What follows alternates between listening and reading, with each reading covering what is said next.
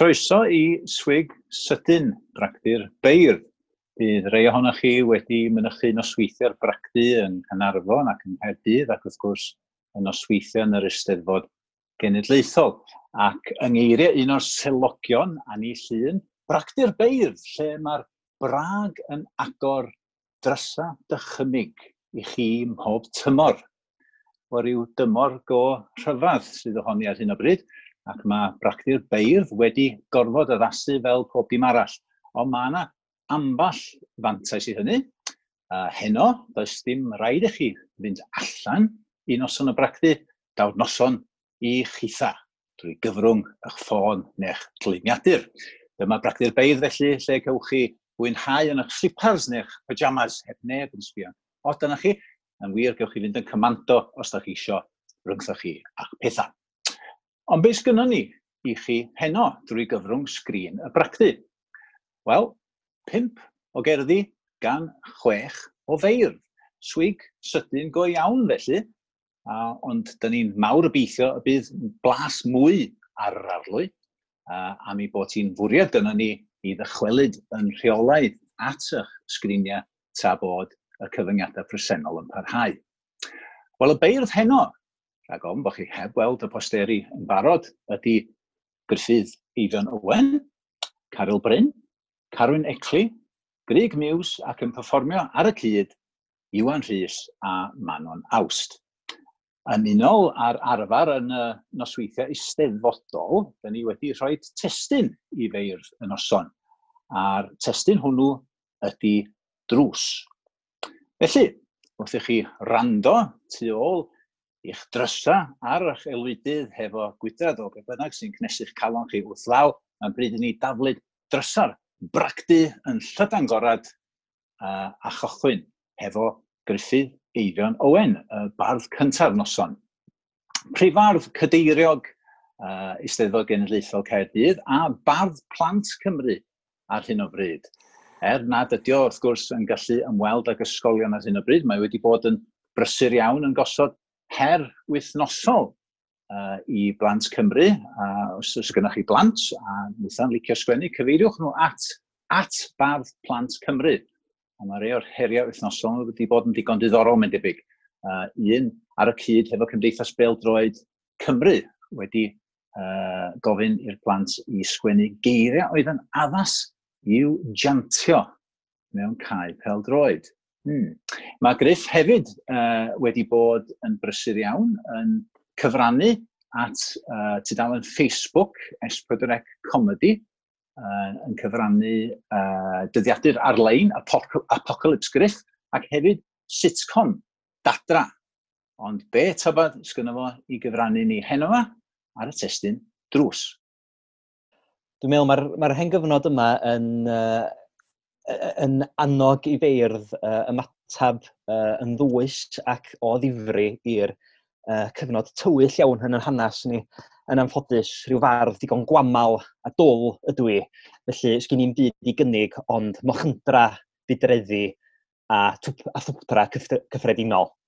Um, yr unig beth uh, dwi wedi sylwi ydy, mae'n ma, rhyfedd y pethau mae rhywun yn hiraethu amdano fo yn ystod y cyfnod yma A dwi wedi synnu yn arw iawn be, um, am yr hyn sydd wedi bod yn, um, yn codi hiraeth arna, arna i lle. Efo pawb yn aros adran golchi dwylo wrth y sinc, mae'n gyfnod hes byr sawl a ddyn ymroi yn iawn i'w priod ginc. I'r rhai ohonoch sy'n cael eich cics, tu hwnt i ddiriau'r tŷ fel Ron Davies a Llyr Gwyn Lewis, mae hwn yn gyfnod eitha du. Does gan dogars dinas dinlla ni'n i ddogio erbyn hyn. Mae'n rhaid i'r tacla aros adra nes daw eto hael ar fryn. Dydy'n hwtha'r godi nebwyr yn methu picio, picio ei travel lodge i anilysu llwan priodas a chael cyfathrach rywiol dodge. Ac er na fi mi rioed yn y ddogiwr, nac yn fwy am gael affair, Mae gen i ginc bach budur sy'n peri cwilydd hyd fy mer. Achos cyn dyfod dyddio ar lockdown, ro'n i'n hoffi treulio fy sadyrna yn gwneud rhywbeth sydd yn bendant am ddieithrio lot o'n ffrindiau, sef ymweld â thai boddigions o Sir Fynwy i Ben Llyn, Castell Penryn, Gerddi Dyffryn, dwi'n ei caru nhw bob un. Och, mae hiraeth mawr a chreulon am holl blastau Cymru fach, a'i moethusrwydd gogoneddus sy'n nodweddu chwaeth y crach. O'r borderi twt Edwardaidd, i'r papur wal o sidan bryd, i'r bensaerniaeth neo-gothig dwi'n ei bymio nhw i gyd.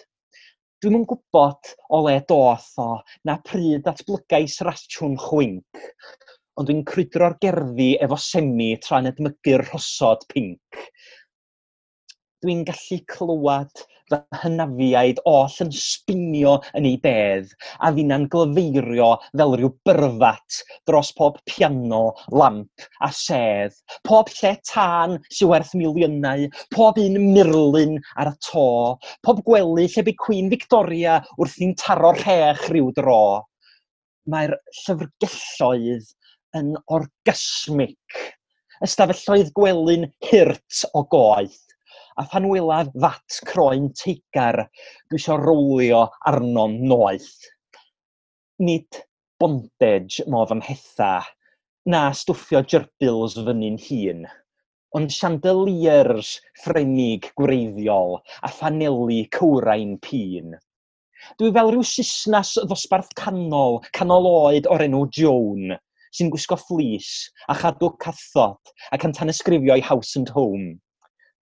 A dwi'n dallt mai gormes gwerin ydy seiliau pob un plas, a bod y sawl a'i hadeiladoedd yn landlordiaid crylon cas. Roedd y ffernols yn ddihirod ac yn byrfyts a lot gwaith. Ond fuck me, dwi'n haws a gwadu roedd gan y ffycar ffocin chwaith wrth gwrwydro'r crandrwydd, dwi'n breuddwydio am gael byw mewn plasty mawr, a bod gen i fflyd o weision yn torri'r lawnt a sgubo'r llawr. Mae gen i Jacob Rees-Mogg mewnol, sy'n deisyfu'r bywyd hwn. Dwi isio nani, dwi isio ceffil, a seithi'r tlodion efo gwn. Dwi eisiau bod yn dorri'r hadlon. Dwi eisiau byw a bod mewn tweed. Dwi eisiau air y byd a'i berla man. Dwi eisiau'r bastad oll i gyd. Ac er ceisio byw yn gyfiawn, fel Iesu Grist a Iestyn Tain. Swn i'n cael siawn si fyw mewn plasty, swn i'n gwerthu'n ffwcing nain. A dwi'n caru'r caffi sy'n na'n bwysig, lle dwi'n talu dicpint am dwy sgon, a ffoto Lady Greg anwybod bod y peth yn blygu con. A'r hen ladies bach sy'n gofyn, would you like to join the National Trust? A fi'n anatab yn gelwyddog, no, I, I'm really not that first. Dwi wedi dechrau mynd yn desperate Dwi'n treulio oriau ar y we yn gwglo decadent interiors ac yn sgrolio ffadwn i'n be. Dwi'n gwybod bod o'n salwch ac mod i'n fradwr i fy ach. Ond blydi hel dwi'n caru plastau gogoneddus crand y crach. Ac pan ddaw y lockdown heibio, pan ddaw'r gofid mawr i ben, y peth cyntaf na i berig wedi mynd i blastu ar fy mhen. Diolch yn fawr iawn i chi. Diolch yn fawr iawn, Griff. Yn bardd nesaf ni, di Caryl Bryn. Daw Caryl yn wreiddiol o Borth Amlwch ac mae'n gweithio ar hyn o bryd fel cynhyrchydd a cynnwys creadigol ar gyfer Hanch, efo cwmni Antena yma yn lle Cynarfon. Mae hi wedi bod yn perfformio yn y gorffennol hefo criw cywion Cronogwen, a mae bellach yn aelod o'r tîm talwrn hefo'r enw rhyfedda hyd yma, sy'n ni'n dweud, sef y 6,000. Nes i ofyn ddi am esboniad ac o'n i'n difaru gofyn wedyn. Llynodd, um, cyhoeddodd Caryl i chyfrol gyntaf hefo cyhoeddiadau stamp. Hwn ydy'r llais tybad ac mi gyhoeddodd grynoddysg hefyd efo uh, hithan darllen i cherddi hun arno fo. Mae wedi bod yn fardd y mis ar Radio Cymru cyn hyn, mae wedi cymeryd ran yn her y can cerdd, ond yr her iddi hen yma oedd i canu ar y testyn drws. Felly, croeso i ti, Caryl. Yli, diolch yn fawr iawn i fawr. Um, ia, dwi'n mynd i rei dampna'r llwyr ar gerdd um, griff rwan. Um, Gwyd i mi wbeth chydig bach uh, llai joli. Uh, cerdd i hon nes i sgwennu ar ôl cerdded drwy dre gan wneud y wyau, y dre sef Gynarfon lle, gan wneud y wyau o'r un exercise unwaith y diwrnod. Felly dyma hi, dre. Lleth yr hogia wrth yr Eagles, er hegin rhiol awr stryd llyn, Fy'n troi gwreichion sgyrsian os weithio sadwrn yn fflama, a'n styrbio dau sy'n gafal yn ei gilydd wrth yr Alex yn dyn-dyn. Lle mae'r stympwyr sigaret yng nghefn Morgan Lloyd yn smocio cyn gariadon yn lludw a'i gadael mewn astre ar fwrdd yn y cefn sydd i sigo. Lle mae'r merched ifanc fy'n market hall a'i cwyno main yn gwagio swnt o'i sodla a'n cribo cwilydd o'i gwallt traed brain. Ar ddau gariad sy'n tu glindŵr fy'n syllu i lygad ei gilydd, yn fyddar i'r holl stŵr sy'n crwydro'r strydoedd aflonydd A'r rheini fel cysgodion tu allan i Pendage, fi'n mwydro a'n sgwario yn llwgu am ffeit. A'r boi na fi'n sefyll yn rws y crawn, yn meddwi ar sŵn gwag y gwynt, a'n gweddio daw'r nos yn gynt bob prynhawn. A'r rafi'n sgwyll yn ei sgidio goran, cywio'n feddw i gael cop off yn copa. Cyn gweiddi ar y wistys tu allan i'r casl a baglu i dacsi i throi hi am adra lle mae'r codwyr canu fi'n gor yn Black Boy, fi'n sgwrio sgyrsiau o gracian y byrdda, a'n meddwi ar farddoniaeth, a'n erfyn am un bach cyn i'r drws fy gwth cloi. Lle mae'r rheini fi'n llithro'n feddw at bar bach, fi'n grwgnach prynu peint sy'n rhydd ryd, ond methu gwrthod y gornel fach glyd ar ysfau ddianc am chydig o'r byd, sydd rwan yn fyd a munud. Diolch yn fawr. Diolch i ti, Carol. Wel, yn bar nesaf ni di Carwyn Ecli. Pan oedd Carwyn yn y coleg yn Aberystwyth, mi nath o ennill ar, yn y Steddfod Genedlaethol, Esteddfod Genedlaethol, nath o ennill yn y Steddfod Ryngolegol hefo cerdd i Donald Henderson. Uh, Donald Henderson, wrth gwrs, uh, gwyddonydd ddaru uh, cael gwarad o, o'r frech wen, a dwi'n siŵr bod ni gyd yn mawr o beithio geitho uh, wahoddiad yn fuan iawn i sgwennu uh, mawl tebyg i'r llaw fydd yn llwyddo i gael gwarad o Covid-19. Mae'r ffaith iddo ddewis testyn ffeithiol o'r fath ddim yn syndod o studiad bod uh, Carwyn uh, yn un o'r llinell hir o feirdd yma yng Nghymru sydd hefyd yn newid y dirwyr o T. Gwyn Jones a T. Glyn Davies i dylan Iorwerth. Ac mae'n gweithio ar hyn o bryd hefo um, byd ar bedwar ar ôl cael ei hyfforddi hefo'r BBEC. Gan bod ti'n wythnos steddfod yr eir, dwi'n gobeithio fydd Carwyn ddim yn meindio i mi nodi iddo ddod yn ail deirgwaith o'r bron yng nghystadleuaeth uh, cadar yr urdd. Uh, wrth gwrs, chan i'n gwybod eleni ydy oedd i llwyddo i dorri'r patrwm, ond dyn ni'n dymuno'n dda iddo fo ar gyfer flwyddyn nesaf. Wel, mae Cerwyn yn gwybod be di ennill, wrth gwrs, gan bod e hefyd yn aelod o dîm uh, buddigol dros yr abar yn, yn Nghystadleuaeth y Talwr. Felly gawn ni rhoi croeso uh, a bragdu i Carwyn y Rwan. Wel, ia, diolch yn fawr i fod uh, ydych chi'n sôn am fy nghyfnod i'n Aberystwyth i ddechrau fanna. A um, cerdd sgen yn seiledig ar brofiad yn Aberystwyth, dweud gwir. Um, oeddwn i'n reit off o fynd i um, Spar 24 um, mae yna siop eraill, ond ia, Spar 24 ar ôl bod am noson allan yn Aberystwyth. Um, tan mi gael prof profiad reit anymynol na un noson, lle um, nath na bwnsar gyhyddo fi o ddwy'n brechdan, brechdan BLT oedd i, um, un noson yn Spar 24.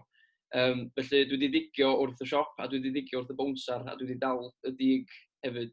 Felly, um, ia, cerdd yn ymatab i'r profiad hwnnw. Spar 24, a'r bore yn ceisio dringo dros y dre. Caer rad y cyrru hudol, neu mentra'r ai sausage roll. Noddau hon bob noson ddu a mil dîl yn dywelu. A gres diogel y deli fi nos oedd fy hafan i. Hon oedd fy siop, fy mhopeth, fy noddfa i yn ddifeth. Nes un noson o hasl. Wedi'n hoffi efengyl, nghyl, a radwy'r siop, fem stopwyd – rhyw fwy ei lond o farf lwyd. Homar o acen brymu a'i goryn gwyn ger fy ngheg i. Aren't you the nitwitch witch I seen take out that sandwich? I reckon you are, crikey. Look, he took our BLT. A BLT, me, no man, you're wrong. Ond waith rhyhongian oeddwn ni i drio ymhel a'i hen gemau o. Cerddais heibio fo heb fwyd Ces lond bol ar lol glewlwyd. Dranoeth es i bendroni, pwy dybiau hwn o ni? A'r cnaf milenia fy mlys, neu a'i lwtr y letys, Byn lladrata tomatos, ffeigen byd bacon heb os. Sbar oedd lle y bore bach i mi, ond na ddim mwyach.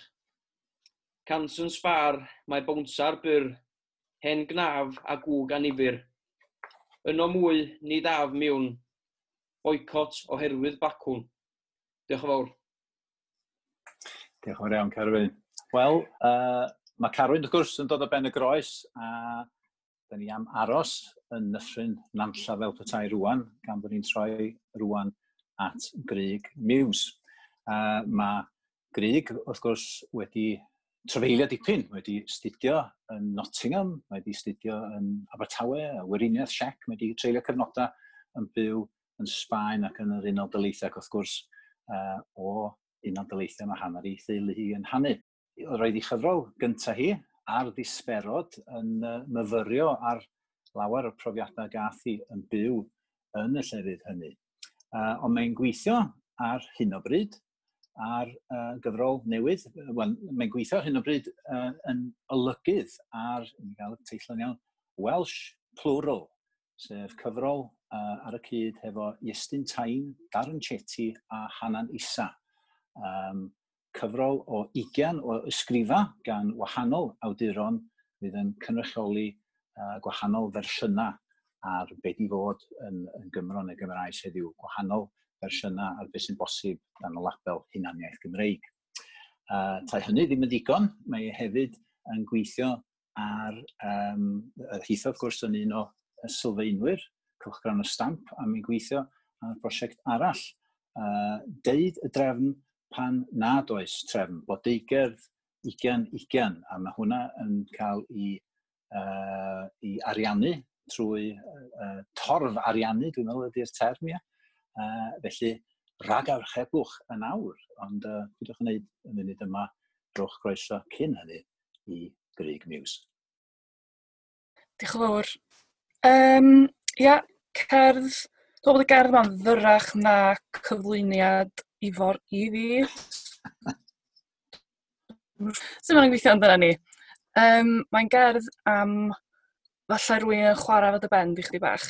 Um, a ia, Mae angen mwy o ragamadrodd yn hynny, dwi'n meddwl. Um, y teitl ydi Drws. Mae hi'n deud mod i'n well drws na ffram, felly dwi'n gwneud yr hyn mae drws yn gwneud ac agor. I gwadd i mewn yn betrus i dynnu cot a sgidiau wrth y mat. Ac mae hi'n gofyn am gael gweld o llestri gorau, yn camol y platiau glas a'r cathod China ac yn gofyn am gael gweld fy ngymwaith tlysa yn llithro i llaw dros fy modrwya. Mae hi'n tynnu bus drwy lwch y llofftydd yn agor fy nghypyrddau ac yn mesur hyd y lloria, a dwi'n gofyn iddi adael. Ond mae hi'n chwilio'n fy nroria, mae hi'n tynnu'r lluniau oddi ar y waliau, mae hi'n symud y cadeiriau ac yn agor y ffenestri i gyd. Ac mae hi'n deud mod i'n well drws na ffram, ond mae gen i fwlch yn wanghanol a dwi'n dylla pry i gyd. Diolch. Diolch yn fawr, Greg. Wel, ar gyfer ein heitem ola ni, uh, da ni'n troi at uh, Manon Awst a Iwan Rhys. Naw, Iwan yn wreiddiol o Borth y Rhyd, ond mae wedi hen gartrefu yn rhe Cynarfon, uh, lle mae'n gweithio fel cyfieithydd. Mae'n fardd adnabyddus, wrth gwrs, uh, yn aelod o dîm llwyddiannus dros yr abar, uh, ac yn ddiweddar, mi fentrodd i faes rhyddiaeth uh, drwy gyhoeddi i nofel gyntaf uh, y bwrdd, a hwnnw yn agos iawn uh, y nofel honno yn agos iawn at gipio ddedal ryddiaeth yn yr Eisteddfod flwyddyn dwytha. Uh, mae Manon Hitha wedi hyfforddi fel pensair cyn uh, troi at fyd celf ac mae'n gweithio ar hyn o bryd uh, yn hel gwaith ar gyfer arddangosfa uh, fydd i'w gynnal yn oriel Brondanw cyn bod hir iawn gobeithio. Mae hefyd yn gweithio fel uh, cydlynydd uh, celf yng nghanolfan Pontio ym Mangor. Oedd hi'n un o sylfaenwyr criw uh, cywion Cronogwen, ac mae'n aelod o dîm talwrn y ship sydd yn aros clywed i tynged uh, nos syl yn erbyn tîm y gler. Wel, mae'r cyfnod um, diweddar yma wedi golygu uh, siomiant i sawl un ac hynny ar sawl lefel, ond dwi'n siŵr bod ni gyd yn cydymdeimlo efo Iwan a Manon oedd i fod i briodi uh, wythnos nesaf, ond dyn ni'n dymuno'n dda iawn iddyn nhw pryd bynnag y daw y diwrnod mawr. A felly, roeddwn ni groeso uh, llwyfan rheithwyr a bracdu i Iwan a Manon. Diolch yn fawr, Ifor. Ie, yeah, fel, fel chi'n dweud, oeddwn ni yn fod i briodi mewn, uh, wel, chydig dros wythnos, ond mae hwnnw wedi ohirio, A dyna mewn ffordd yw uh, testyn y gan heno. Um, er, yn y lockdown yma, yn sôn tu ôl i'r drws, um, falle bod hwn yn, yn, y cyfnod yma rhyw fath o troiol ryn ar be fydd bywyd priodasol i ni. Uh, felly dyma gan fach tra bod dau fetr.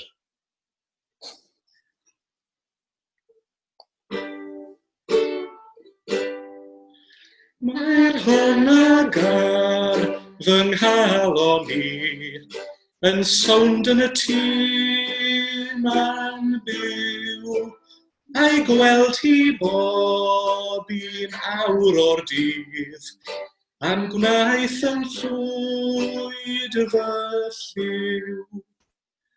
Lockdown, nid yw ond am gyfnod, o hyfed Shiraz fesul litr ond cariad pyr sydd fel y dyr yn patraf bod dau fitr. Dwi'n bod o'r plant, dwi'n bod o hwn, a ddim yn cael ei sgan. Yr unig ddydd dwi'n weld gweld Di pitio i'r tew yn sbar. Lockdown, nid yw ond am gyfnod. O pam hai bod efo Peter. Ond cariad pyr sydd fel y dydd yn paratiad o dau fitr. Dim lot o siawns i fynd lan star. Ni'n dau ar nervous rex. Rhag ofni'r hog i aredeg i fewn. Am dal i heb fy specs. Lockdown, nid yw ond am gyfnod. Dwi'n ffrindiau da iawn a fy ngledr Bod cariad pyr sydd fel y dyr yn paras na bod dau medr. Cawn eto deithio i lawr i'r den ar ôl yr hen amser lletwyth i weld hen ffrind, i weld mam gyd i lawr o chreadur ystwyth. Lockdown, mi dyw ond am gyfnod, can stop fach yng nghaff i cletwr, a chariad pyr sydd fel y dyr, yn paratad bod dau fetwr. Diolch yn fawr. Diolch yn fawr iawn, wir, wel, gobeithio mae lockdown am gyfnod yn unig y bydd i. Diolch i Iwan a Manon ac am nhw yw'r beirdd ola heno. Diolch unwaith yn rhagor i Griff, i Caryl, i Carwyn ac i Grig. A diolch hefyd i uh, Rhys, Osian a Llyr sydd wedi bod yn gweithio yn y cemdir i wneud uh, y cyflwyniad yma'n bosib.